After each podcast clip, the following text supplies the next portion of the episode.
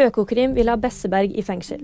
De vil at den tidligere IBU-presidenten skal få tre år og syv måneder fengsel og en bot på én million kroner.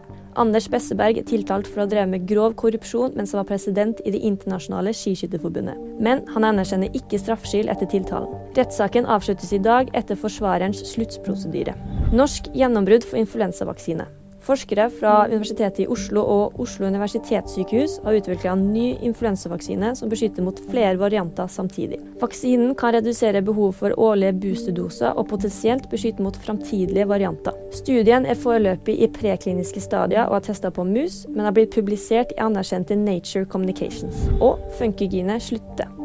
Jørgine Massa Vastrand, bedre kjent som Funkygine, gir seg som programleder for NRK-serien Norges tøffeste. Hun har ledet programmet i tre sesonger, men økonomiske årsaker gjør at hun takker nei til en fjerde. Og nyhetene finner du på VG.